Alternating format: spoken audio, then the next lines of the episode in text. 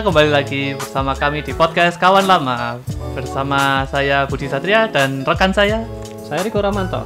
Ya, ini sudah lama sekali ya tidak apa tidak mengupload atau mengunggah update dari kami dan ini baru bisa kami update setelah berapa hari? Kira-kira bulan. Oh bulan ya sudah kira-kira satu bulan ya ya ini dikarenakan Kesibukan ya mungkin masing-masing. kesibukan masing-masing Dan Bang saya Bang juga Riko juga skripsi. ada skripsi oke jadi seperti Untungnya itu skripsi saya udah selesai. Alhamdulillah Udah yudisium tadi dan kabar baiknya November besok saya wisuda. Alhamdulillah saya belum mas Belum. itu menyakitkan tapi ya Tawakal, lah. tawakal aja. Ya, ya. Pasar kepada Tuhan. amin ya wis iya. gimana rasanya udah selesai semua skripsi Oh, itu enggak karu-karuan. Karu-karuan. Itu seperti Kak, apa? Saya nangis darah itu ada. tes secara ya gila Dan itu. tambah lagi kan saya kerja. hmm Jadi ini gini, di pagi hari itu Pagi hari. saya apa namanya? apa Fokus ke kerjaan, kerjaan pulangnya fokus skripsi. biasanya seperti itu sekarang Sekarang rebahan, lebih banyak rebahan. Enak Dan ya, udah. Akhirnya bisa lanjut ke podcast sama saya bisa lanjut freelance. Alhamdulillah freelance ya. Jadi ya wes seperti itulah kira-kira. Jadi seperti itu ya kesibukannya Bang Riko. Jadi emang kalau kita sebagai mahasiswa itu ya kalau udah skripsi itu emang harus fokus dan apa ya kalau ditunda-tunda itu malah makin molor. Jadi ya wes kita maklumi saja ya Eh untuk bentar, bentar. Pengalamannya Bang Budi sendiri pas wisuda gimana? Pas belum wisuda Mas. enggak maksudnya perjuangan selama skripsi sampai ke oh, yudisium. Oh, Singkatnya iya. aja wes. Oh singkatnya ya. Yang Perjuangan. paling mengenang apa? paling mengena ya Iya. itu dulu pas awal-awal aku apa ya udah proses uh, penelitian itu aku apa ya proses mulai penelitian itu uh, bang bang Riko jadi aku itu masih belum mengerti mengenai penelitianku dan sedangkan aku sendiri udah mulai proses penelitian di mana aku kan ikut proyek kan ikut proyeknya temennya dosenku untuk dan di situ aku ngambil judul dan ikut proyek tersebut untuk menyelesaikan skripsiku. Nah itu yang lucu itu. aku ditanya dosenku mengenai ya skripsiku itulah dan aku diem aja terus dosenku kayak marah gitu. Kamu ini gimana sih? Itu masa udah jalan skripsinya kamu masih nggak tahu nggak mau ngapain itu ya itu halusnya seperti itulah Oh, tapi ya. realitanya ya s- nggak bisa dibayangkan sendiri lah ya seperti itulah mungkin singkatnya Tapi outputnya apa? apanya Output dari skripsinya? oh banyak banyak outputnya Ya. yang saya Simpelnya, dapatkan simpelnya. Panen. Hah? Panen. panen panen tapi nggak nggak ikut dapat soalnya kan punya proyek orang Loh, terus yang dibawa ke kos itu punya siapa? dibawa ke kos itu Iya. sampel mas Oh. jadi eh, gini mungkin aku dari beberapa apa ya status history di Instagram itu aku ya posting kan itu ada beberapa yang ku hasil panenku itu ku bawa ke kos itu untuk sampel ada namanya hmm, apa ya organoleptik jadi Organoleptik. singkatnya? intinya kualitatif lah. Jadi kita harus me- mencobanya melalui kita nyoba makan itu rasanya gimana getir kah, Oh. manis kah. Lah itu kan aku kebetulan Ya, wortel ya, ya. lah, Mungkin itu. itu dari singkatnya lah. Bang Budi sendiri Ya. ya. Gimana untuk Bang Riko? Kalau apa saya yang sih berkesan lah. berkesannya apa ya? Ya lebih kenal ke apa pak pemerintahan. Maksudnya sistem pemerintahan gimana Oh, sampai gitu ya. ya sampai proyek-proyek lah. Hmm, Tahu situ. terus outputnya, outputnya. Outputnya saya penilaian terhadap evaluasi efisiensi dan aktivitas pengadaan barang jasa. Hmm, bah- Tapi ya singkatnya itulah. mantap, mantap, ya, mantap. Oke, kita pengakuan lanjut. dari kita. Oke. Oke, lanjut Kita lanjut. Sekarang kita memasuki itu mungkin sekitar mas, sekitar dulu ya. sekitar dulu ya. Oke, untuk sekitar ini apa yang bisa kita bahas, Bang Riko? Eh, kalau saya ada apa? sekarang tahu masker scuba. Masker scuba ya tahu. Sekarang itu tidak diperkenakan dipakai. Loh, kenapa? Dikarenakan tidak Oh iya memenuhi benar-benar aku tahu, aku tahu. Aku tahu itu sekarang harus paling paling enggak minimal 3 ply ya. Iya, triple. Triple ya, 3 Iya. ply lah aku bayar Soalnya kemarin saya baca di Kaskus kebanyakan itu pihak dari kedokteran dan Kementerian Kesehatan tidak menganjurkan menggunakan yang kain masker itu ya. scuba. Scuba atau Soalnya kain itu itu, satu ya. play. Satu Dan play itu ya. kebanyakan orang penjualnya itu nyari untung. Iya, Soalnya soalnya buat masker scuba itu gampang, gampang banget. banget tinggal jahit dari apa ya? Hmm, kita kain-kain bekas dijahit dijahit, dijual. Dijual Nah, sepuluh ribu tiga Di murah-murah. salah satu nih mencari keuntungan tapi tidak memperhatikan dampak atau Ya, ya, se- sekarang gini ya, kan dulu kan eh, mungkin dari pemerintahan sendirinya kan juga yang penting pakai masker meskipun kita pakai masker kain. Dulu itu masih nggak apa-apa Bang Riko, tapi sekarang itu peraturannya udah dirubah lagi setelah hasil riset-riset yang lebih update jadi ya wis seperti itulah. Aku oh, tahu. kalung anti corona. Padahal ini udah lama loh, tapi aku masih membekas ya. Itu Tapi aku penting gini, lek kan kalung anti corona, iku desain kalungnya diperbagus. Ya. Hmm. Bukan kotak itu, kayak ID Oh. card lah. Jatuhnya kayak ID card. aku jadi inget ada kalung dari produk apa gitu di TV. Jadi kalung itu bisa apa ya? Menangkal radikal Nah, bebas. itu satu. Yang kedua ada yang itu aneh. Bukan, bukan lagi. Ada lagi satu itu kayak dites gitu ya di gelas eh, isi air bening, terus gelas itu kayak diisi kayak darah gitu untuk sampel. Ya, ha. Nah kalungnya dimasukkan, bisa bening airnya. Oh, itu produknya MLM masalah. Iya, aku di- no comment lah, no comment, no Ya, comment. ya, ya, oke, Ya wes lanjut lanjut. Terus dari Bang Budi apa kira-kira? Untuk eh, minggu ini ya. Eh, ya, yang ada di sekitar ini apa ya kira-kira? Itu apa yang bisa ku update sih mengenai berita-berita terkini yang kadangkala semakin tercengang gitu. Oh, dading mang oleh. Satu itu. Tapi nggak apa-apa itu kayak gitu, bisa buat humor lah. Terus Rasanya anjing. anjam, anjim, anjim, anjim. Sekarang nggak boleh. Anjim. Eh, oh iya ada lagi mengenai anjay. Oh Kita iya, bahas anjay. sedikit aja. Oh iya, Eh, anjay. Gimana menurut Bang Riko? Anjay sih anjay Markojai. Ki- sekarang sampai ada itu SK dari KPA itu mengenai anjay untuk anak-anak di bawah umur itu tidak diperbolehkan. Gimana Hmm. tanggapan Bang Riko mengenai itu? Saya no comment. Saya juga bingung soalnya. Soalnya gini loh. Dulu zamannya kita masih kecil tahun 90-an. Hmm. Dragon Ball. Ya, ah. Itu kan apa? Tonjok-tonjokan, ya. Terus apa namanya Tom and Jerry. Momen jadi itu Ya kan, keperuk-keperukan ya. keperuk-keperukan sampai bolong-bolong. Ya. Tapi outputnya kita kayak gitu Enggak nggak? baik Nggak. baik baik aja. Iya. Kan Terus kita- sekarang sekarang lah anak sekarang loh. Iya, sekarang itu semakin dilarang itu semakin, Semakin- penasaran, ya, ibarat makin- demotivasi. betul betul betul. Kita Takutnya saya kayak gini. Semakin mereka dilarang, Mm-mm. semakin mereka pengen tahu. betul betul betul Iya. betul. Dan Semakin itu, di itu ya. berpengaruh ke suatu proses pendewasaan yang ada. Tumbuh. Proses pendewasaan di mereka. Oh, Dan ini masuk di tema kita, yaitu Growing up, it sucks. Artinya apa untuk bahasa Indonesia, Bang Riko? Tumbuh itu menyebalkan. Menyakitkan, menyebalkan iya. ya. Hmm. Ya, seperti itu. Kenapa kita pilih tema ini? Mungkin relate untuk kita berdua ya. Oh ya, relate.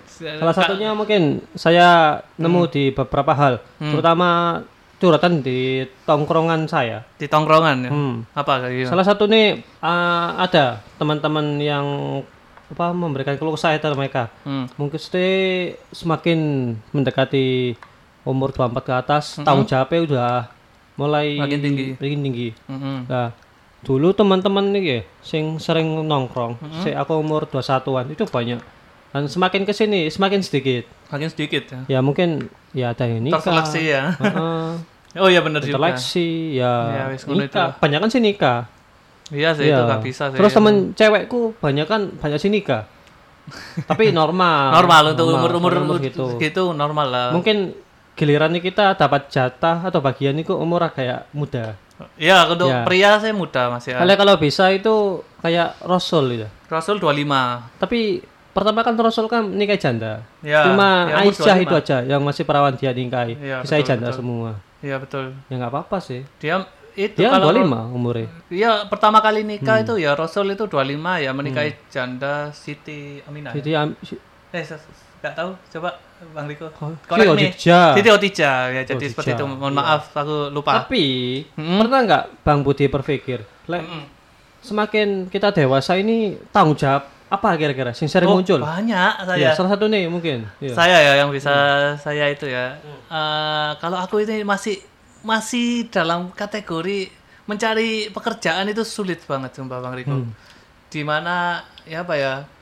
eh mencari terutama buat golongan yang dalam tanda kutip ya, jujur kayak kita masukkan lamaran, terus kita nulis surat lamaran, membuat CV, membuat SKCK itu kan jalur-jalur yang jujur tuh. Iya. Kalau kalian biasanya kan dari orang dalam, Orang dalam. orang, orang orang dalam. petik. Lah itu orang ki- dalam. kita itu kesusahan kalau kita ya mencari dalam Hmm. itu manual gitulah kalau bahasa yang bisa disebutkan lah manual dalam mencari pekerjaan itu susah sekali semakin hari dan nggak kerasa udah hampir satu tahun hampir 10 bulan ini aku mencari dan masih belum menemukan lah jadi itu yang membuatku Tapi kan salah Sakit satunya kan terkendala corona juga. ya itu sih dan lagi dari pihak kampusku masih belum ada kejelasan mengenai wisuda ini Oh, jadi aja belum diwisuda. Belum mas, bahkan yang kan ini aku daftar wisuda itu eh, awal tahun 2020 Januari tanggal 14 sampai apal aku. Oh, nah sampai itu apal. terus itu aja aku masih belum wisuda. Eh, normalnya itu kalau aku daftar Januari normalnya bahkan normalnya ada nggak nggak normal bang Riko. Normalnya aja nggak normal. Kalau ku kasih tahu bang Riko di mana kan aku daftar Januari. Iya. Lah itu wisudanya itu enam bulan yaitu Juli atau Agustus. Hmm. Kan harusnya aku Agustus kemarin kalau nggak ada Iya. corona. Iya. Lah itu bahkan gara-gara corona ini. Sekarang munjak bulan September. Nah, yang yang daftar di bulan April 2019 saja belum wisuda bayangkan. Oh. Sedangkan aku baru Itu daftar berapa angkatan nih? dari pokok yang harusnya wisuda bulan Maret 2020 itu dikat semua. Terus udah itu gak ada Hmm. Hmm. wisuda sama sekali dan masih belum tahu lah ini dari pihak kampus aku masih belum apa ini solusinya eh, dari pihak kampus aku tanya-tanya ke teman-temanku juga masih ada, belum ada kejelasan cuma aja cuma ada beberapa temanku cuma dikasih periode wisuda dan tanggalnya Hmm. tapi nggak tahu itu kepastiannya itu akan benar-benar wisuda atau enggak nah itu itu kadang aku kadang aduh ini gimana ya dari pihak kampus apa gak ada solusi itu bahkan yang Maret belum wisuda ya Hmm. nah sekarang September berapa bulan itu Maret April Mei Juni Juli empat bulan Iya. nah nanti kalau sumpama wisuda diadakan ya Hmm? ya itu kan pastinya yang Maret dulu lah itu yang belakang kan ha- diundur Oh, lagi iya. Jadi gila secara ya nggak- secara gila, langsung itu Gila loh, sumpah. mempengaruhi mereka juga. Aku Apalagi gila. sekarang mereka udah mau wisuda, nyari Betul. kerja Heeh. dan kebanyakan butuh ijazahnya bos ijazah asli. Nah, Hmm, makanya ya, aku sih. cuma dikasih scanan ada cuma dikasih scan dari pihak kampus dan aku ada sih tapi ya wis ijazah aslinya masih belum soalnya kita masih belum wisuda ya itulah Hmm. yang salah satunya yang bisa aku share lah gimana? Ada lanjutan dari Bang Riko mungkin? Ya, kira-kira sih salah satunya yang ya kembali lagi seperti Bang Budi itu Ya. terkait kedewasaan, banyak tanggung jawab yang mulai berlangsung. betul betul banget. Tapi salah satunya gini bang, aku melihat kedewasaan sendiri. Orang menginjak dewasa itu kan tidak bisa diukur dengan umur. Betul Banyak sih orang yang umur 26, 27 tapi tinggal kayak bocah atau orang nah. bany- umur 23 sampai 24 tapi udah nikah. dewasa udah nikah Nah, heeh. berarti kan kedewasaan seorang tidak bisa diukur dari umur, tapi dari laku pengalaman ya? apa yang ia terima. Dan salah satunya seperti ini. gimana Aku pernah baca thread di Kaskus Hmm. yang bilang seperti ini. Saat kita udah menginjak umur dewasa atau kira-kira umur 24 ke atas Hmm. atau udah mulai bekerja atau kira-kira punya penghasilan sendiri. Itu kita sering terjebak yang namanya middle apa namanya? Middle income trap.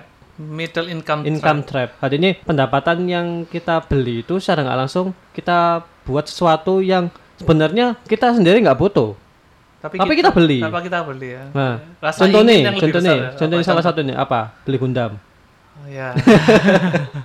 kita itu cuma terus beli sne- sneakers, oh, beli gadget baru. Eh, tapi kalau sneakers saya masih dalam kategori butuh kalau kita biasa buat kita ke ke mana itu biasanya pakai kan. Kenapa nggak ya, sepatu biasa? Nah, Kenapa harus sneakers? nggak tahu aku. Harus branded? Ya, kan? Tahu aku. Itu no salah comment. satu no comment. apa namanya middle income trap. Lah, Harusnya sepatu biasa-biasa saja iya, bisa sepatu ya? aja. Terus cinta ambil itu kebanyakan kenapa? Orang-orang atau mas apa? Gimana? Mas orang yang muda punya penghasilan sendiri, terus beli-beli barang seperti itu. Soalnya di masa muda mereka, terutama di masa kuliah atau belum bekerja, dia punya keinginan banyak, wishlistnya banyak. Wishlistnya banyak. Nah, ya. terus mumpung dia punya Kesempatan, apa, kesempatan income. punya uang, terus mindsetnya mereka gini, mumpung aku masih muda, Kita habis habis. umur masih banyak lah, umur masih ba masih panjang, terus kita habiskan seneng-seneng. Padahal kalau saranku ya umur menginjak 24 sampai 25 itu kira-kira punya saving sendiri buat nikah. Buat Soalnya kita ya nggak bisa mengandalkan orang tua sampai kapan, Betul betul betul. ya kan? Kira-kira mulai konsisten menabung. Betul, Terus betul, betul. Sama seperti apa namanya katanya Pak B.J. Habibie. Kalau nggak salah beliau bilang gini. Crack. percuma kalau apa namanya pinter Mm-mm. tapi nggak disiplin, nonsense. Lebih baik uang yang kamu dapatkan kamu investasikan kayak pendidikan, kayak menambah Betul, betul, skill, betul, katanya betul, gitu. betul. Tapi lek saranku gini sih, lek memang dia mau hilaf, hilaf itu sebenarnya setuju, benar, setuju nggak sama definisi hilaf? Khilaf ya. Iya. Eh, Pernah nggak hilaf? Suatu apa barang hilaf ya? Apa? Eh, ya kayak membeli Gundam itu khilaf. Jadi eh, gimana ya? Saya, saya- Ya. aku maaf tak potong. Jadi kalau kita eh, mengenai keinginan itu ya pasti banyak lah. Meskipun kadang kala ya kita eh, kalau pada saat kita nggak punya uang itu kita listnya banyak. Hmm. Pas kita punya uang banyak kita bingung, mau Bingung. beli apa. Itu kadang kala terjadi sih. Terus eh, mengenai keinginan dan kebutuhan. Nah, kad- kebanyakan itu sebagian besar itu ya kekhilafan itu berada di keinginan itu tidak memperhatikan kebutuhan. Nggak pernah nggak gini Bang Budi? Apa? Membeli sesuatu. Hmm? Sih sebenarnya Bang Budi itu nggak perlu, Oh, sering. tapi beli. sering. Ah, apa nggak? Ada ceritakan apa nggak? Contoh satu aja. Eh, nggak sa- sa- ya, ya, saya- bentar, bentar. Boleh Oh, paket bunga. Nah, itu penting, itu penting. Ah, penting. Itu penting. Cuma dibuat. Eh, ada lagi, ada Apa- lagi. apa- apa? Eh, hard disk. Hard disk. Iya, Hard disk yang KW. KW. Terus gampang rusak. Nah, itu aku tergiur sama harganya yang murah. Terus aku pingin coba aja apa ini benar-benar KW atau enggak ya itu akhirnya uangku terbuang sia-sia gara-gara itu akhirnya beneran rusak. Kampret toh. yang Nah, saya sendiri sih ada, tapi Apa? bukan berupa barang, apa? berupa jasa. Jadi Contohnya. gini, saya itu pernah deketi seseorang, Nah. ya, deketi seseorang. Terus pas saya mau nembak, ternyata Punya dia nolak pacar. saya, Oh, nolak soalnya saya nggak punya mobil. Lalu minta mobil dia. Enggak, bukan. Dalam wow. artian itu dia nyari cowok yang bisa nyetir. Kan? Akhirnya saya belajar nyetir, nggak kepikiran. Ini ini belajar nyetir lah ya. Sisa. Bisa. Tapi ya gitu. Saya nggak bisa dapat dia. Anjing. Tapi positifnya saya bisa nyetir gitu aja. Hmm, benar benar benar. Tapi benar. sa- saya mikir loh, saya ngikuti apa kata hati saya. Hmm. Hmm. Tapi empo, nggak tahu. Kata hati ini bener apa enggak, nggak tahu. Soalnya kata hati nuruti belajar nyetir. Nyetir, Pas nyetir. light year, ceri. Iya. Pas mau Mau ada meteor. nembak nggak bisa, ya nggak apa-apa. Ya wes lah, ya udahlah. Jadi seperti itu ya yang bisa dijelaskan Terus- Bang Riko. Untuk middle income trap sendiri salah satunya yang mungkin apa namanya anak-anak muda yang sering tergiur itu apa? Yang kira-kira pendapatannya udah tetap tapi ada istilah namanya bocor halus. Tahu bocor halus? Enggak. Itu dia pendapatan itu secara nggak langsung berkurang tapi dia tak dia sadari. Tahu apa yang membuat bocor halus pendapatan Enggak tahu apa. nongkrong? Ya. Dapatnya apa? Gibah. ya kan? Enggak begitu ya. Kalau Nah, gini loh, nongkrong. ya? Kalau memang dia sama orang yang dekat, tak apa-apa. It's okay. Bicarain sesuatu yang positif is okay. Tapi Iya. kalau dia mau masuk ke circle, pindah-pindah circle, otomatis kan dia sering nongkrong. Terus Ah. apa yang dia dapat dari nongkrong? Gipa. Gibah. ya gibah kan? Iya. Iya, kayak Tapi saya, saya tak potong mas, mas ya. Jadi kan kadang-kala ya mungkin itu sisi negatifnya nongkrong ya. Kalau kita kan biasa juga nongkrong, kan kita brainstorming kadang-kala. enggak baca bokep. Kode Kata nuklir. nuklir. Jadi bukan. Jadi kan kita ya gimana ya nongkrong itu Mbak Amy ka- kadang-kala ada. kadang-kala Iya, kita cuma apa ya bertukar pikiran lah. Ya apa ya kita bisa kalau ada pusing atau keluh kesah yang ingin kita keluarkan biasanya di tongkrongan itu kita bisa lost gitu pada teman kita apalagi yang se- sefrekuensi lah jadi Hmm. bisa menerima apa yang kita omongkan nah itu biasanya kita biasanya cuma apa ya refresh saja lah kalau nongkrong tapi kalau setiap hari ya Nah, itu negatif pembodohan nih. Itu pembodohan. setiap hari aku udah Bodoh kok dipelihara, mending pelihara kambing. gemuk. gemuk ya bisa Tapi- dijual ya Bang Budi setuju nggak sama apa, Apa? namanya argumen seperti ini? Jadi ini saya pernah Mm-mm. ke ya kumpul bap- bapak-bapak biasa lah. ya Ya, sekarang kan bapak-bapak sekarang. ya ya Itu dia pernah ada yang bilang dia itu ngerti apa anak muda zaman sekarang itu lebih banyak berfoya-foya daripada menabung atau investasi uang mereka. Jadi Mm-mm. yang sama saya tanyakan gini kira-kira hilaf Hilaf. salah apa enggak? Kalau khilaf terus sadar diri nggak salah. Kalau khilaf terus ya jenenge manusia paling khilaf. Mana khilaf mana khilaf mana. Hmm. Itu ya salah. Kalau saya sih hilaf itu tak apa-apa. Iya, Sedang nggak keterusan. Nah makanya kayak Iya. terus-terusan kan bukan hilaf, sengaja itu mas. Iya. Kayak pernah saya ke toko Gundam. Terus beli terus. Ada besar itu. Namanya Sazabi. Perfect form ya. iya perfect form. Saya lihat. Harganya berapa, Mbak? Satu juta lima ratus. Aduh. Ngeluh Terus tak tak tinggal. Tiba-tiba saya mendengar suara gaib. Tolong, saya terlalu lama di sini. Tolong, tolong. Hari tak beli. eh, perfect grade ya itu ya. Satu juta setengah ya. Apa-apa tapi. Hilaf namanya hilaf. Masih ada sekarang kan? Masih ada. Tapi saya kesalahan nih. Salah motong tangan. Motong tangannya podo ya. Eh, saya mana rek satu juta setengah putul tangannya. Apa-apa. Beli tangan per potolan ada kok. Oh, perpotongan ada. Ya, ya wes. Kira-kira itulah. dari Bang Budi apa? Kalau dari saya ya apa ya? Growing up it sucks ya. Ah, gini, sekarang eh, mengenai growing up it sucks ini kan berkaitan dengan depresi seseorang kan sak kan sakit kan depresi. Apa biasanya yang membuat anak muda itu depresi? Kira-kira Bang Riko? Banyak faktor ya. Banyak faktor kan ya. Yang Setiap orang beda-beda kan. ya. mempengaruhi itu lingkungan. Lingkungan ya. Lingkungan. Terus kedua itu keluarga. Ketiga, Ketiga Cewek itu yang disukai. dunia maya. oh dunia maya Jelas. ya.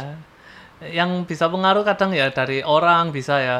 Terus dari kita ya bener sih kalau growing up it suck itu ya kadang semakin ke sini tuh ya semakin menyakitkan bener. Bener nggak? Ngerasa nggak? Semakin kita dewasa itu hidup itu semakin sak. Sadar banget lah, Nah. jelas lah. Makanya ini aku Apalagi kak kita, ya? ya kan ya kaum Adam kaum Adam sebagai apa namanya tanggung jawab. bakal jadi kepala Eh, keluarga. betul. Pasti mikir kan, lek wis umur kira-kira 24, 25, kira-kira punya rumah, eh, Butuh rumah, terus nafkahi, nafkahi, bayar cicilan. ah, bisa cicilan. Apalagi gini nanti lek wis nikah kita bakal komitmen. Betul. Istri kita bakal i- jadi ibu rumah tangga apa kerja. Oh iya Ya betul kan? betul. Lek kerja secara nggak langsung perhatian ke anak kurang. Nah, Hmm. tapi nggak kerja otomatis kita sebagai kaum Adam harus, bekerja lebih keras. lebih keras lagi ya. Ah, betul betul. nah, itu. Tanggung jawabnya lebih besar ya. Terus mulai memperhatikan tabungan juga. Tabungan. Lek, aku pikir gini yo, gajiku sekarang Hmm. sing kira-kira se UMR Pasuruan lah. Itu untuk Kota atau menghi- kabupaten? Kota lah. Oh kota ya. Kira-kira untuk menghidupi diriku sendiri cukup. Terus aku terpikir satu saat pas mau tidur, umur sekian nikah, kira-kira cukup nggak menafkahi keluarga, apalagi ya ngerti deh lah. Masa anak wong dikasih pasir, Sekarang pasir. Bang Riko yang punya penghasilan aja pikirannya gitu. Apalagi saya yang tidak punya penghasilan bayangkan Bang Riko. Aku Nah, itu. setiap malam itu ya, ya apa ya? Wes gini wes gak tahu ubah pertanyaannya. Umurnya Bang Budi berapa sekarang? Eh, hampir 23, hampir 23. Oh. Saya tahu ubah pertanyaannya. Hmm. Kira-kira untuk kita sendiri wes dari Bang Riko lah. Kira-kira eh, kapan kita mengalami kayak sak kesakitan terjadi itu kira-kira mulai dari kapan dari Bang Riko Lis? Lah, aku lihatnya Beberapa- dari timeline-nya orang beda-beda. Kalau Bang Riko Ada sendiri umur 21, lek aku mulai umur 23. mulai kerasa sakitnya Lek umur 20 sampai 22 emang tak fokuskan untuk seneng-seneng dulu. gitu ya. Beli ini, beli itu, terus umur 23 itu mulai tak buat nabung. Buat nabung ya. Hmm. Hmm. Meskipun kadang ya uang tabungan kita itu lebih banyak kepake sama sesuatu sing seharusnya kita nggak butuhkan. Tapi untuk nolong seseorang, Oh iya iya. ya, iya, kayak betul, mungkin bayar rumah sakit, Oh, biaya gitu ya. apa gitu. Jadi ini secara nggak langsung tabungannya kita kepakai. Hmm. Tapi ya itulah kembali lagi melatih tanggung jawab. Apa apa ya saya kan di umur 23 kan Bang Bang Riko tadi Iya. mulai itu. Apa yang dirasakan sakit itu berasal dari mana kira-kira dalam, Ya, dalam Bang Riko? Sing jelas omongan orang. Omongan orang itu Iya. tidak ada habisnya. Omongan Soalnya- orang yang seperti apa? Soalnya kita nggak bisa ngontrol omongan orang. Ya jelas lah. Hmm. Jelas lah. Ja- Jadi apa omongan orang yang seperti apa yang buat Bang Riko itu aduh Ya wong jelas bangke. ya omongan tetangga pasti. Sama Kalau sih, sama, sama. Template template-nya sama. Ya betul betul. Jadi Tetangga ya. mereka nyari kesalahan seseorang. Kalau orang itu udah nggak salah, nyari orang lain. orang lain betul anjir. Soalnya memang dasarnya manusia ya. itu pengen mencari kesalahan mencari seseorang. Dari Hmm. iya. Soalnya iya. dia itu gini loh, saya lihat hidupnya mereka udah sap, tapi udah ngersulo, banyak ngersulo, eh, akhirnya Melibatkan orang lain, ya? Cari pelampiasan ke Iya, orang lain. makanya. Dan seakan dia mikir hidupku ini udah stuck tapi aku play victim ke orang itu agar orang itu sak bisa orang itu stuck juga Anjing Jadi ya, ini- anjing. itu secara nggak langsung itu membuat rantai kayak apa namanya nggak kan itu ya rantainya akan terus nyambung ya seperti itu ya kalau aku jujur aja mulai dari tiga tahun belakangan ini hmm. berarti umur berapa ya tuh aku mulai umur ah, pokok 2018 kuliah. semester 6 ya semester semester 6 terus ya semester 6 pas liburan itu. Kan liburanku kan ku pakai untuk magang. Nah itu di situ aku mulai apa ya ngerasa kayak timbul kayak apa ya yang di mana semester 6 pas liburan itu harusnya liburan aku pakai untuk eh, magang dan aku punya kayak patokan-patokan gitu tetapi patokan-patokan tersebut itu kayak nggak terpenuhi bang Riko itu yang membuatku sakit. Contohnya ya eh, di tahun 2019 itu aku punya banyak apa ya ancer-ancer lah di mana target? Iya banyak target dan itu gagal Bang Riko. Jadi contohnya di tahun 2019 bulan nikah Bang kayak bukan. Ini masih mikirkan skripsi. Jadi skripsi. di aku udah kan dari magang-magang itu kan 2000 2018. Lah itu 2018 kan aku selesai magang itu Agustus 2018. Nah, itu aku berencana untuk agar bisa sempro lah, sempro di itu aku nargetkan dan bikin planning itu di eh, bulan paling enggak satu atau dua bulan setelah magang lah di yang mana harusnya itu bulan September atau Oktober 2018 itu aku sempro dan kenyataan itu emang pahit bang tidak Riko. sesuai dengan harapan betul ambisi itu terkadang menggiurkan tapi kenyataan itu pahit bang Riko itu yang kurasakan itu katanya Nobunaga Oda ya Nobunaga Oda kan. Nah itu aku Iya. oh sakit banget itu. Jadi bayangkan aku nargetkan di September atau Oktober 2018 dan sedangkan kejadian sempronya tahu Bang Riko April 2019. uh itu Gila. ngapain aja? Berbagai hal lah itu banyak faktor lah. Oh. sehingga ada yang dosennya susah ditemui terus masih mikiri judul suruh dosen masih ngeraba judulnya itu jangan kesusu ya gimana ya? Ya wis gitulah. Banyak hal lah sehingga itu terus satu itu satu. Dua mengenai semhas. Semhas wis aku pokoknya kan itu April ya? Paling enggak April Mei Juni lah Juni atau Juli aku harus semhas setelah aku tuh selesai apa proyekan aku kudu semhas beberapa minggu setelah proyekan. Ternyata kenyataan itu pahit lagi Bang Riko. Kan di aku nargetkan bulan Juli kesampaian bulan November 2019 tapi kan itu memang timeline Bang Budi. Timeline- nyalakan siapa? Kenapa mau nyalakan siapa? Ya ya gitu. itulah ya itulah ya maksudku ya letak sak- kesakitan itu ya di itu di mana kita Hmm. nggak sesuai target terus molornya begitu besar itu yang membuat aku sakit. Ya itu c- salah satunya lah. Semhas kompre terus akhirnya aku bisa lulus meskipun agak telat tapi ya wis ya gak sesuai targetku itu yang membuatku sakit. Di ini untuk kuliah belum lagi kerja cari kerja itu banyak lah itu. Eh, kompleks bener- lah. Tapi pernah nggak Kompleks lah. itu mikir gini ya? Sesuatu sing sing kita tidak kita planning Hmm. itu malah lancar. Dan sesuatu yang kita planning matang. Bangsat. seperti ini. Iya. Sih itu iya benar benar iya kayak saya aku mau juga. plan skripsi. Ya, hmm. itu harusnya skripsi saya itu selesai bulan Juni. Hmm. tapi molor sampai Agustus makanya Itu gila planning. gila nggak terus pas Sama. bulan Agustus awal nggak tak planning ini jalan aja skripsi Gila. ya lancar lancar kan gila nggak iya. gila Sak Ya, makanya, loh ya, itu. ya, makanya itu di, di- itu saknya lah salah satu aku mau cerita lagi bang Riko Hmm. bentar ya Meng- sekarang itu udah mengenai kuliah ya kuliah selesai aku wes bersyukur sujud syukur alhamdulillah. Aku sampai apa ya aku sumpah aku aku pun nggak nyangka ya teman-temanku itu apa teman-temanku itu pinter-pinter bang Riko. Cer- jenius jenius cerdas cerdas. Gak aku sangka pinter, aku pinter ngapain? Pinter aku enggak aku bisa bisa sidang itu aja udah. Sujud syukur alhamdulillah. Aku sampai tahajud untuk cuma alhamdulillah alhamdulillah doang lah kepada Tuhan yang ku sembah lah. Itu Tuhan Yang wow, Maha Esa. Tuhan yang Maha Esa Allah Subhanahu wa taala. Itu itu. Terus kan udah mengenai udah sidang udah yudisium sekarang dihantam corona. Aku dalam proses mencari kerja di itu lagi ya. Kalau aku saya nganggapnya ini diuji lagi lah oleh Tuhan lah. Jadi ya wis. Siapa tahu bentar lagi dapat gaji 5 digit. Hmm, tenda, ya janji daki. Oh itu pasti kalau janji Janji da- ya soalnya aku nggak punya uang bang Riko. Gimana? Duh, lah nggak- Gimana, memang nggak punya, jangan Iya, ya udah sepaksa makanya ya udah. Let it flow. Yes. Aku nggak pelajari dari skripsi ini apa? Let it flow. Kalau ngeflow doang itu kan tahu di Jadi kita gini. merencanakan itu lancar ya. Jangan terlalu direncanakan. Kali ini tetap let it flow, tapi nggak sesuai target kita rencanakan. Emang susah ya mendefinisikan susah emang. Aku paham sih, aku paham, Iya. dapat aku. Oh.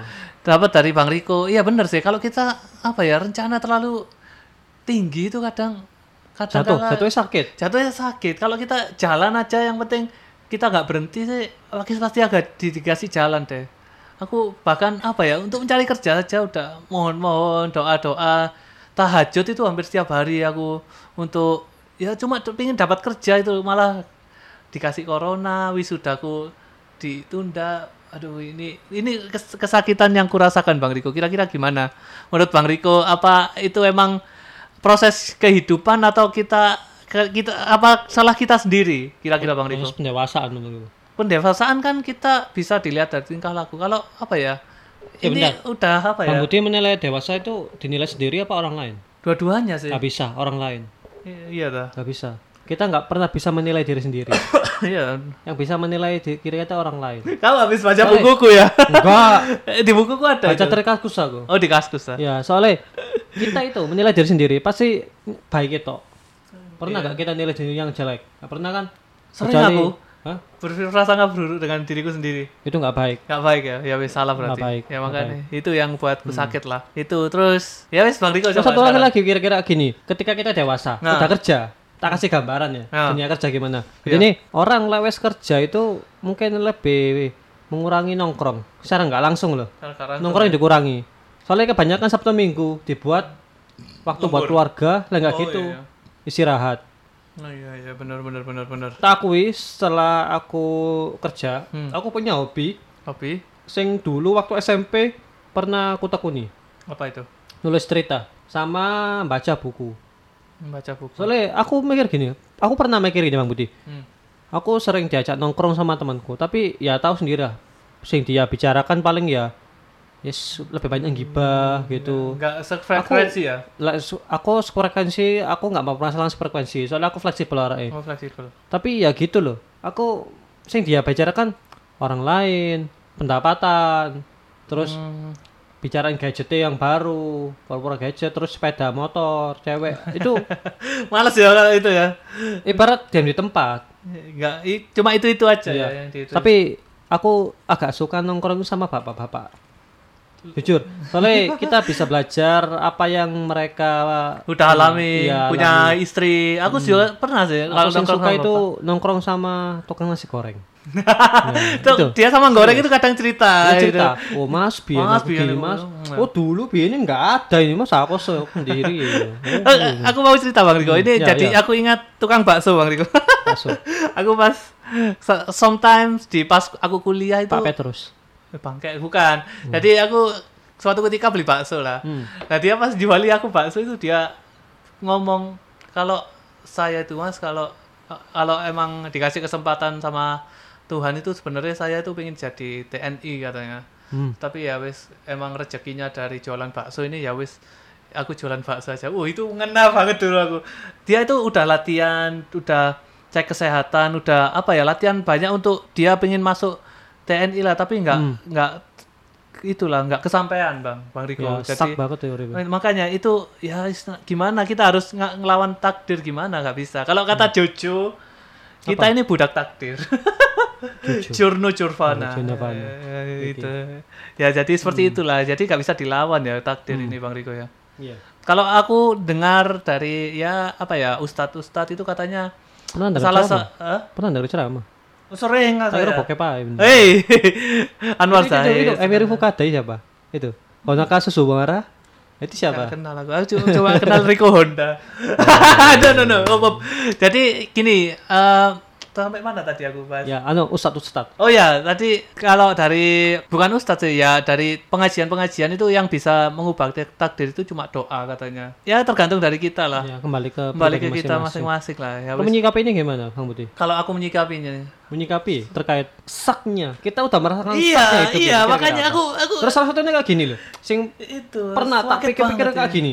Jadi ini semakin kita dewasa, kita semakin dicecer oleh berbagai banyak Banyak pertanyaan. iya, makanya aduh. Sing seperlu sing sebenarnya itu dek itu nggak perlu nanya. Iya, makanya kapan nikah? Ah, sip. Kapan punya anak? Ah. Kapan punya anak lagi? Kapan punya rumah? Ka- Enggak, kalau kita punya eh, apa ya? Kapan punya mobil? Ya, itu. Hmm. Kalau ki- kita belum nikah, Kapan umroh? Kapan haji? Anjing. Kapan punya cucu?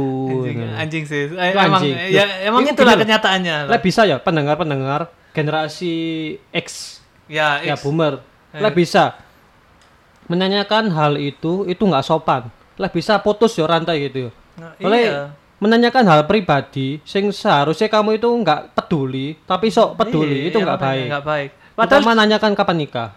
kalau kita udah nikah, kapan punya anak? Iya, kapan punya anak lagi? Nah, kapan itu. punya rumah? Kapan punya rumah? Kok sing ngontrak? Iya. Anjing sih emang, Itu emang anjing proses itu. kehidupan Iya. itu ya seperti itulah. Padahal mereka sendiri iseng. Duh, mereka itu sendiri bener Makanya Iya, iseng sih. Iseng. Kita dia itu cuma pengen tahu reaksi kita tanpa dia memperdulikan kita. Dia cuma basa-basi doang, basa-basi dalam tanda ada kutip. sini tapi ada orang ya tak, tak Ah. warah. Kapan nikah tak warah? Mau nyumbang berapa? Lah ya makanya. Kamu nyumbang mana? Ngapain ya dia tanya-tanya ya? Tak mana? Kapan nikah? Kapan mati? gitu. Nah, soalnya gini. Jodoh, rezeki, Rezeki. kematian itu Ah. apa? Rahasia Tuhan. Rahasia Tuhan Ya. ada ayatnya. Kenapa dia menanyakan rahasia Tuhan ke kita? Nggak tahu. Iya. Di dalam apa ya? Ada ayat yang aku cuma tahu artinya ya. Iya. Kalau kita udah di dalam kandungan itu udah ditiupkan takdir kita kata kalau dari ayat kita udah ditakdirkan ada jodoh kita, rezeki kita, mati kita. Jadi kita nggak nggak perlu sebenarnya kayak khawatir akan tiga hal ini tapi ya yang tiga hal ini yang bikin kita sak itu kadang kalau Bang Riko. Tapi aku jadi inget lagunya Kue Sera Sera. Tahu? Kuis rasa Kue Sera Sera. apa artinya lah? Aku nggak tahu. Coba jelaskan Bang Riko. Jadi ini gini, di salah satu liriknya ada gini. When I'm just a little girl, When I was I, just I ask my mother, what will I be? Jadi ketika Artinya? kau masih kecil, aku menanyakan, aku ki dewasa akan menjadi apa? Oh iya Will benar. I be pretty? Will I be rich? Di what she say to me. Ini yang dia tanyakan ke Reke Sera Sera. Jadi ini intinya lagu itu kita nggak perlu apa mengkhawatirkan Hmm. masa depannya apa kita. Hmm. Kita terima saja. Soalnya masa depan itu bukan kita yang menentukan. Iya. Kayak kata-kata Master Ugue, tahu? Master Ugo ya tahu. Yang kura-kura itu loh. Iya tahu. Tapi itu pintar kungfu, kok bisa ya? Gak tahu aku itu kalau itu. dia bilang gini. Kema yesterday was a history, Mister Tomo- tomorrow was, was a mystery, Hmm. but today was a gift. Sekarang itu And that's pemberian. why call it present. Tahu? Tahu tahu tahu. Jadi Kemarin itu pernah pernah pernah. Masa depan itu Misteri. misteri. Tapi Sa- sekarang adalah hidayah. ya. Hidayah. Anugerah anugerah lah. Anugerah. Ya, betul. Betul. dia Aku pernah pernah. kayak hidayah. Itu. Pernah dengar itu aku. Aku pernah kata-kata itu pernah dengar tapi nggak tahu itu sumbernya dari mana. Tapi aku ya Master pernah. Ugue. Master UG ya dari. Terus gimana ya? Aku jadi apa ya? Teringat eh, dari postingan Bang Riko. Kamu cuma bokep doang ya yang kamu bicarakan. Itu salah satu tutorial, Tutorial. untuk membahagiakan istri. Kapan terakhir kali nonton? Nah. Seminggu yang lalu. Seminggu yang Soalnya ta- aku nih bosan di rumah. Bosen ya. Terus tiba-tiba ada postingan. Wow. Wow. Cari kode Keterusan, nuklir ya. Wow, keterusan. Wow, wow. Akhirnya download, download, download, download. Jadi apa ya? Eh, mengenai sekarang balik ke tema, balik ke tema. Growing up it sucks. Kira-kira banyak penyebabnya ya kalau dirasakan ya. Hmm. Kalau dari Bang Riko sendiri tadi udah dijelaskan ya, terutama tetangga ya. Tangga, Kalau aku- lingkungan, Lingkungan. tetangga sama keluarga. ya. Ta- terus kalau aku sendiri kan tadi ada harapan yang gagal, terus eh kadangkala itu ada itu sering diremehkan saya ini Bang Riko, bahkan oleh teman sendiri. Ka- aku beberapa udah ngomong ke Bang Riko Iya. sih, ya itulah. Terus Oh, ada terus lagi- satu lagi ya, yang mikir teman-teman, lah ya hidup kita itu flat, biasa aja seneng-seneng soalnya postingin meme-meme itu, Hmm. itu salah. salah ya Lek tahu hidup ini kayak gimana, waduh. gila lu semua Gila. Gila Cuma lu. gini, kita nggak ngasih tahu ke teman-teman, cuma saya Iya. saling tahu aja. Makanya- Soalnya kebanyakan orang itu nggak mengerti buat peduli. makanya cuma Tapi buat penasaran mensyukuri. Mensyuk- Kapok gitu makanya kadang kala ya apa ya maka dari itu aku juga sekarang udah jarang sekali bersosial media aku wis gak ngurus wis apa Instagramku sudah jarang tak buka Kalau kemarin Instagram itu, minta naka di like. itu minta nakal Iya. minta naka di like. Dulu. em. oh, Ket, kimi mi, ki- kimi mi di like. Suka saya Soalnya nggak pernah sosial media. maksudnya dalam arti Instagramnya kimi mi di like. loh enggak dalam arti di gini Oh, Perbe- nggak bisa. Bukan, kayak gini gini Bang Riko. Mohon tak tak maaf maaf tak potong ya. Jadi kalau dulu itu kalau Bang Riko ngerti sendiri aku suka posting di story ku hampir sering, hampir setiap hari. Tapi lama kelamaan akibat dari komenan-komenan yang kurang kurang berkenan bagi saya kok ya aku sudah memperkirakan kira kira-kira seburuk apa itu kira-kira kalau ada komen yang nggak baik. Tapi tak tak kusangka akan seburuk itu. Jadi aku ya wis aduh wis ini kayak eh, ada yang salah dari aku. Jadi aku wis jarang ke Instagram. Terus status WA saja udah jarang. Kalau dulu kan hampir sering. Terus Kimi, kimi, dan, dan lagi kimi. suki suki Saya suki. Suki kimi. kira-kira cek, cek. dan aku sering kali kayak merasa apa ya diinjak sama orang-orang yang lebih kaya dari si, itu mohon, ma- mohon maaf Bang Budi ya. Nah, Motong. Kira-kira Bang Budi punya pikiran dijak orang lain hmm, itu punya aku Bang Budi itu pernah nggak jadi orang people pleasure? apa people price Jadi secara nggak langsung Bang Budi itu ingin terlihat baik, terli ingin ingin terlihat benar, baik di mata orang-orang banyak. kalau aku sah kalau aku Padahal sih- sendiri kan kita kan sebagai manusia punya kekurangan. iya Nah, tapi itu. gimana ya? Gini aku kadang kala kalau kata bang Riko tadi ingin dilihat orang terlihat wow itu aku aku sendiri jujur aja enggak. Tapi kalau apa yang ku apa ya kadang kala aku posting cuma aku bukan ingin dilihat orang tapi aku cuma ya biasa pengen share gitu loh aku sedang ngapain kadang kala. Tapi Hmm. kalau nangkepe orang-orang aku pingin show off ya itu kan udah di luar mohon kuasa maaf, aku. Mohon maaf, nggak enakan, tak tambahi. Hah? Nggak enakan. ya itu aku lah itu, itu sifatku pleasure itu. Nah makanya itu itu sifat yang kurang baik dari aku mungkin ya. Terus lagi mengenai diinjak orang itu kadang-kala aku merasa diinjak itu kadang apa ya orang ini tahu kalau aku ini nggak mampu atau apa. Kadang-kala itu juga terjadi oleh temanku sendiri lah. Apalagi pas kuliah gak usah dibahas lah. Tapi ini oleh temanku sendiri kadang-kala dia itu tahu kalau aku ini kurang mampu, kurang bisa apa, kurang bisa membeli apa yang bisa dia beli, tapi dia kayak menunjukkan show off ke saya. Aku kadang-kala merasa ini ngapain sih orang ini? Kan dia bisa apa ya show off di pas aku nggak lihat itu kan bisa sebenarnya dia, tapi kenapa pas ada aku dia kayak wah itu ya aku Padahal itu kadang-kala orangnya dekat sama Budi. Itu- Iya, itu sak saknya itu salah satu itu Tuhan lah. itu semudah itu ya membuat membu- membalik sifatnya seseorang ya. Contohnya, oh maksudnya? Ya semudah membalik telapak tangan. Oh jelas ya, orang. iya, iya. Kayak pengalaman Sakit saya itu di kuliah Gimana, pernah. Di semester 1 sampai 3 itu ada. Saya deket banget sama seorang. Hmm. Terus di semester 4 entah kenapa dia itu mulai apa namanya? Mungkin saya nggak pernah cerita ini ya, Iya, perkara iya. ini. Coba. Dia itu mulai kayak mempengaruhi orang lain. Serius gak apa-apa diceritakan Nggak ini. Saya nggak nyebut nama. Iya. Terus dia, dia itu mempengaruhi orang lain supaya nggak suka sama saya. Oh, Satu angkatan itu nggak suka sama saya. Tapi saya nggak peduli. Yang penting saya deketi dosen, terus dapat nilai bagus, terus memang orang sing peduli sama saya tak deketi. gitu ya. Mm-mm.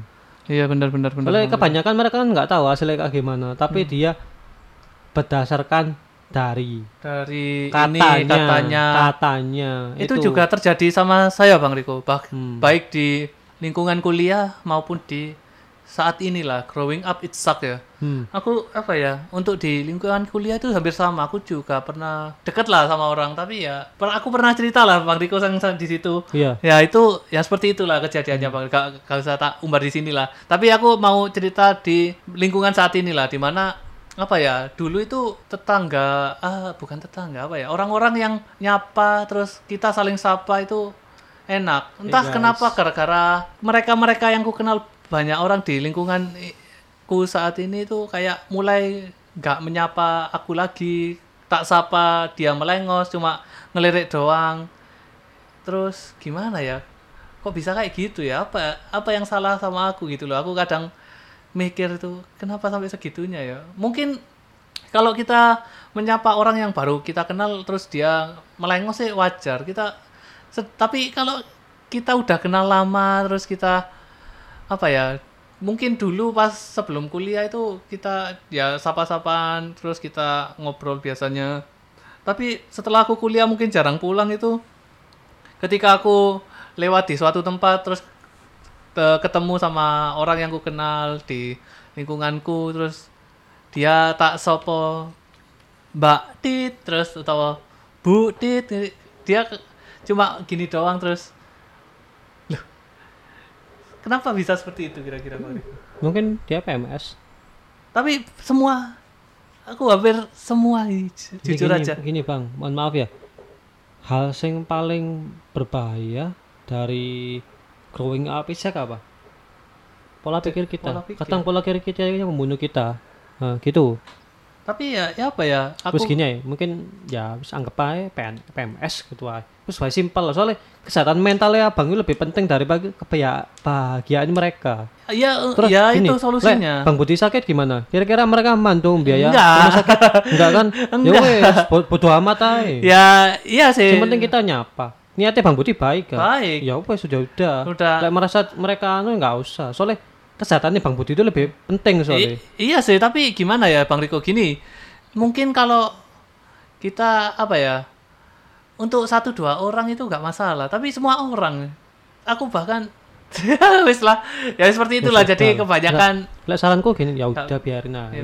ya itulah solusi yang berjalannya lah. jalan orang-orang bakal ya kembali. Soalnya kita kan enggak bisa ngontrol apa yang mereka Iya pikirkan. betul sih.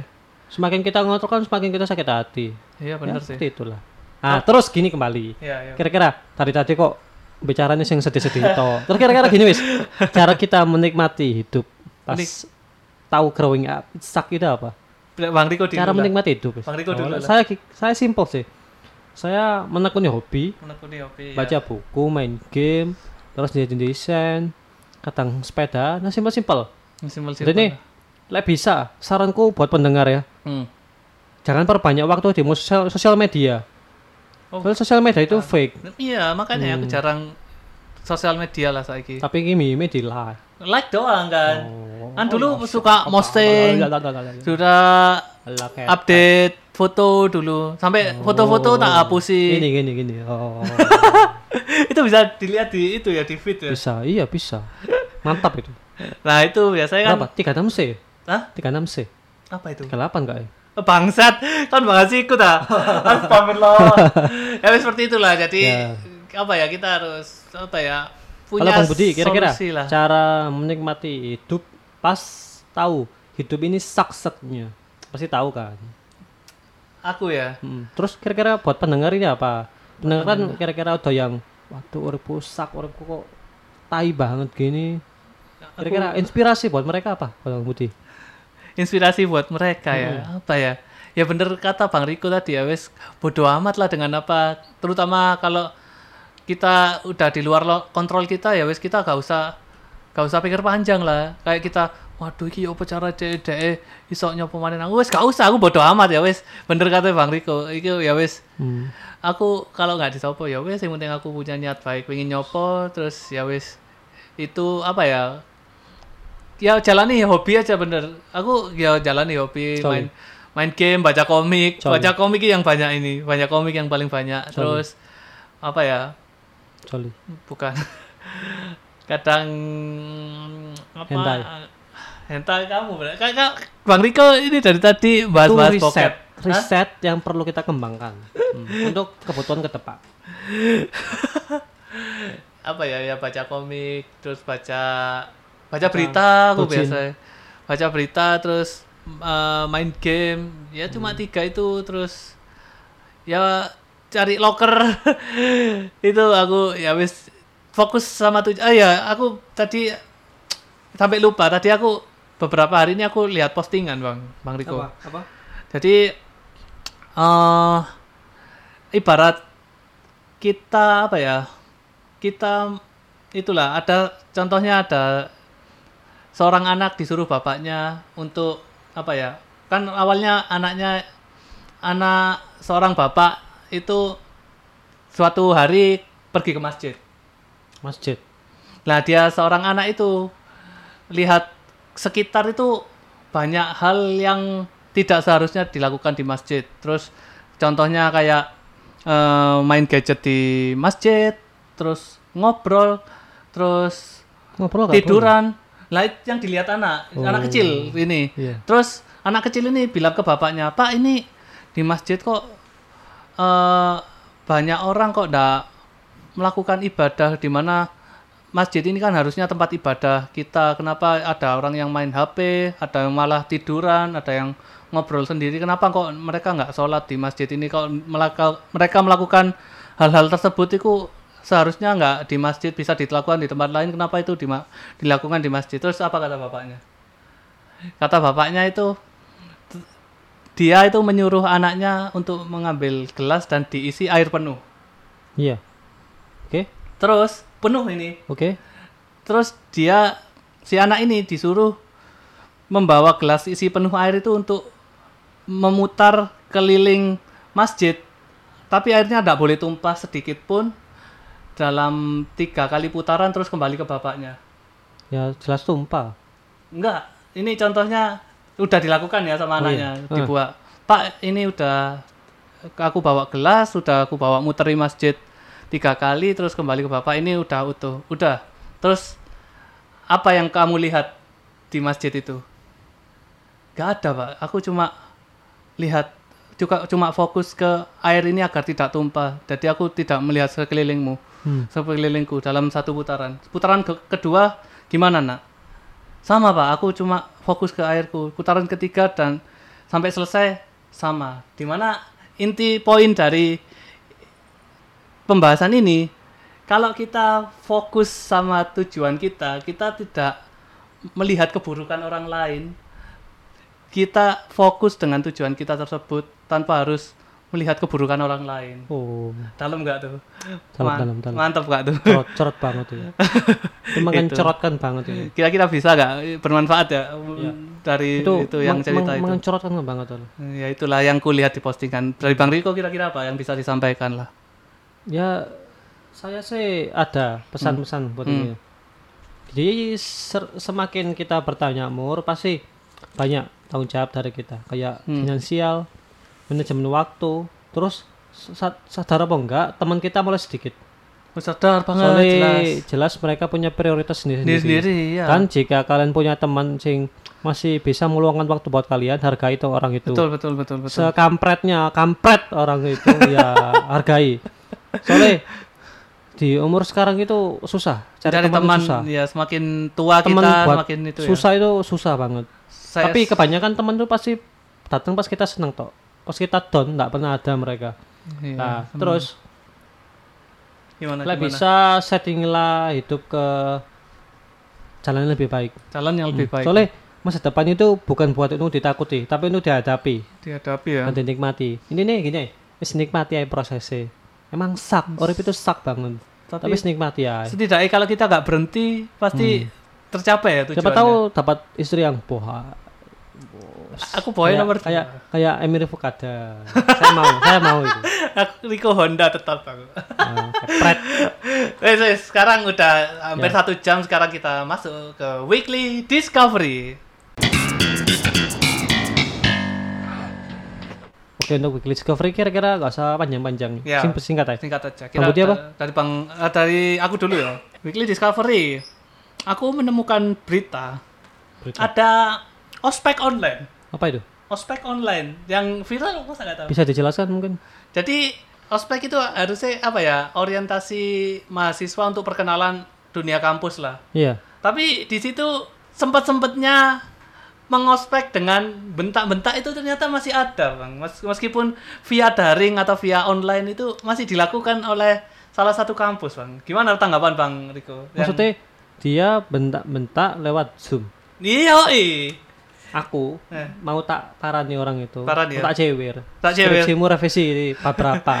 Sebelum itu Bang Riko Terus bisa aku tadi dosen membimbingi tak persulit ya. Revisi. Bang Riko bisa berdiri. Jadi bisa. Kira-kira bisa tunjukkan ikat pinggangnya. Ini. Saya mau berubah. Bensin. Bawa. Tahu tata tertib gak Bang Riko ini? Itu buat apa coba? Nggak penting loh itu.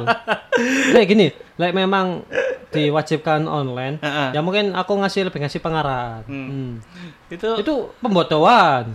Masuk goblok itu. terus ada yang meremake Dia dia nggak mikir nggak, like Zoom itu bisa direkam, terus disebarkan. Makanya gilanya seperti kop. itu. Enggak gini gini. Kalau apa ya? Harusnya ya yang salah dua-duanya sih. Dari pihak yang ngerekam itu ya kurang ajar sih seharusnya kan. Itu aku yakin sih gak oleh itu di- direkam. Yakin aku gak boleh. Tapi ada salah satu yang mungkin sudah muak mungkin ya dengan proses itu. Akhirnya dia melanggar direkam dan diviralkan. Mungkin. itu buat jadi lucu sih. Terus lagi ya ini ada berita yang duka sebenarnya sih. Eh, berita aku lihat berita minggu-minggu inilah. Ada ya akibat dari eh, pembelajaran via online atau via daring ini Hmm? seorang ibu tega menganiaya anaknya sampai meninggal Bang Riko. Karena anaknya ini diajari mengenai proses pembelajaran daring ini nggak bisa-bisa terus dia nggak tahu nggak tahu sama sekali apa kayak apa ya kan eh, nggak semua orang kan ya Bang Riko ya mohon maaf ya. Nggak semua orang bisa update terus ke- bisa laptopan ada kan beberapa kalangan kan juga masih nggak ngerti sama sekali laptop nah itu ya ini terjadi salah satunya aku nggak nyebut tempatnya nggak nyebut namanya dan ini ada di berita itu duka sih menurutku Berarti dia nggak, berarti yang dikatakan Einstein itu benar. nah, gimana Semua orang itu sebenarnya jenius. Tapi jika kamu menilai ikan dengan pandai memanjat pohon, Nah, sampai itu. kapan pun dia memilih bodoh. Da- dan insting di situ keluar dari kelasnya Iya. kalau kita bilang gitu ke guru Oh, tuh dicampak dia ewer Campak, iya wer-wer. Nah, iya Saya nggak bisa. Lah saya bisa, murid itu rebel, banyak rebel ya. betul jadi ya gimana ya dari bang Riko sekarang Kalau saya lihat postingan di Instagram yang Bang Budi tag, oh ya jadi terkait kebebasan beragama di Indonesia itu Oh iya, sekarang gitu. udah rendah. gila ya itu ya Kebanyakan mayoritas itu menindas yang minoritas ya menindas ya Soalnya aku jujur, saya sebagai umat Islam malu. malu aku aku malu Soalnya- sih sumpah ngapain udah, gitu udah loh tahu dia beribadah. iya Dia nyetel speaker, terus nyetel solawat. Itu niatnya apa? dia nggak terima kayak ada agama lain itu beribadah itu dia kayak merasa dirinya paling benar bang Riko ya, gimana tanggapan Bang Riko mengenai itu itu Padahal malu ya gini ya. Dulu aku pernah baca buku ini Umar bin Khattab. Mm-mm. Itu dia kan ya nginvasi daerah betul buat memperluas wilayah. Tapi dia nggak pernah maksa orang penduduk kayak kan dia kan pernah Mm-mm. apa nginvasi daerah mana saya lupa. Hmm. Kebanyakan itu di sana mayoritasnya masih pemeluk berhala sama agama Kristen. iya Dia itu nggak maksa, Maksa dia itu harus ayo ikut Islam nggak? nggak boleh Lek, gitu emang, memang boleh bang Riko dia mau masuk Islam ayo monggo, lek memang tidak ya wis. Soalnya untuk mulai agama dan untuk agamaku. iya iya benar Nah sekarang motivasi mereka apa kayak gitu? nggak tahu dia Menunjukkan. itu menunjukkan ke apa ya Fanatik.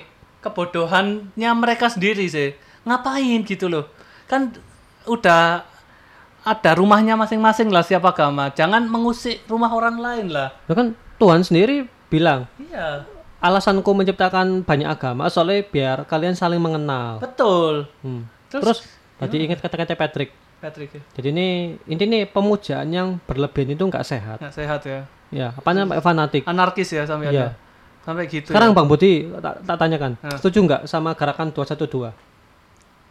dua satu dua sebenarnya aku no Aku enggak. no comment Aku sebenarnya. enggak. Kim- Pernah alasan- pernah lihat? Far Cry, Far Cry 5? tahu Bagaimana dia membuat kelompok teroris Hmm. yang berlandaskan agama. iya iya saya tahu tahu ya gimana ya aku Aku bukannya menunjuk ya, mohon maaf ya. ah, Aku bukannya menunjuk masing-masing ya mayoritas, itu kembali ke masing-masing. Tapi sih. kan bisa jejak. Ini menurut pendapat Bang Riko sih Hmm. nggak setuju, tapi kalau aku sih eh, 50-50. Kalau kita apa ya tujuannya baik cuma kita menyelenggarakan budaya agama sih nggak masalah. Tapi kita kalau kita ada oknum yang memanfaatkan untuk tindakan negatif lah itu yang salah bang Riko. Dan eh, membuat para apa yang ngebom ngebom itu namanya? Iya. ya itulah. Teroris teroris. Ya itu membuat teroris. Itu jadi jangan sampai seperti itulah. Jadi kalau apa ya beragama ini kadang-kala apa ya banyak dimanfaatkan sama oknum-oknum itu jadi negatif bang Riko Jadi ingat konser apa? Apa namanya? Konser ACDC. ACDC, Dia kan ya. konser se Inggris. Setengah Inggris kan. Heeh. Konser Queen empat negara bagian ngumpul. ngumpul se ya dua satu dua se Indonesia. iya iya itu apa? ada suatu postingan seperti itu ya Iya. Gila ya seperti itulah mungkin yang Nah, bisa itulah. kita uh, sampaikan ya. Oke, jadi mungkin cukup sekian yang bisa podcast yang bisa kami sampaikan udah set- setelah sekian lama kami nggak update udah satu bulan lebih. Mungkin kita akan update seminggu sekali seperti biasa. Amin dan Riko udah ad- luang banyak waktu dan udah nggak ada tanggungan yang seperti kuliah itu udah lepas ya Bang Riko ya. Alhamdulillah. Alhamdulillah. Semoga kita bisa lebih update lagi kalau bisa seminggu sekali atau dua minggu sekali ya. Semoga kita bisa itu lagi doakan lah. Amin. Lah. saran bisa DM, Instagram is- bisa email. ya, Ya, ya, itu lah. Instagram. Jika ada yang mau tanyakan monggo silakan mau ceritanya di jangan sini bisa Ya bisa kalau tanpa ada- menyebutkan nama. Ya mungkin. betul. Bisa di samarkan mawar melati. Semuanya indah lah ya Budi. itulah. Bu Safa, Zero Shine. Nah itu lah, oke. Rasanya Jadi ID nick. Jadi yang bisa kita sampaikan seperti itu ya mungkin kurang lebihnya kami mohon maaf kalau ada salah kata atau kekurangan tidak ada bermaksud bermaksud untuk apa ya? menyinggung Menyinggung. meskipun saya sadar mu- mulut kita berdua ini kotor. Ya kotor, ya, tidak ada kita menyinggung cuma kita menyampaikan opini dan anggapan kita lah. Soalnya kesempurnaan hanya milik Tuhan. Betul. Oke, jadi kita akhiri dan kita kembali ke podcast selanjutnya. Assalamualaikum warahmatullahi wabarakatuh and peace. Bye bye.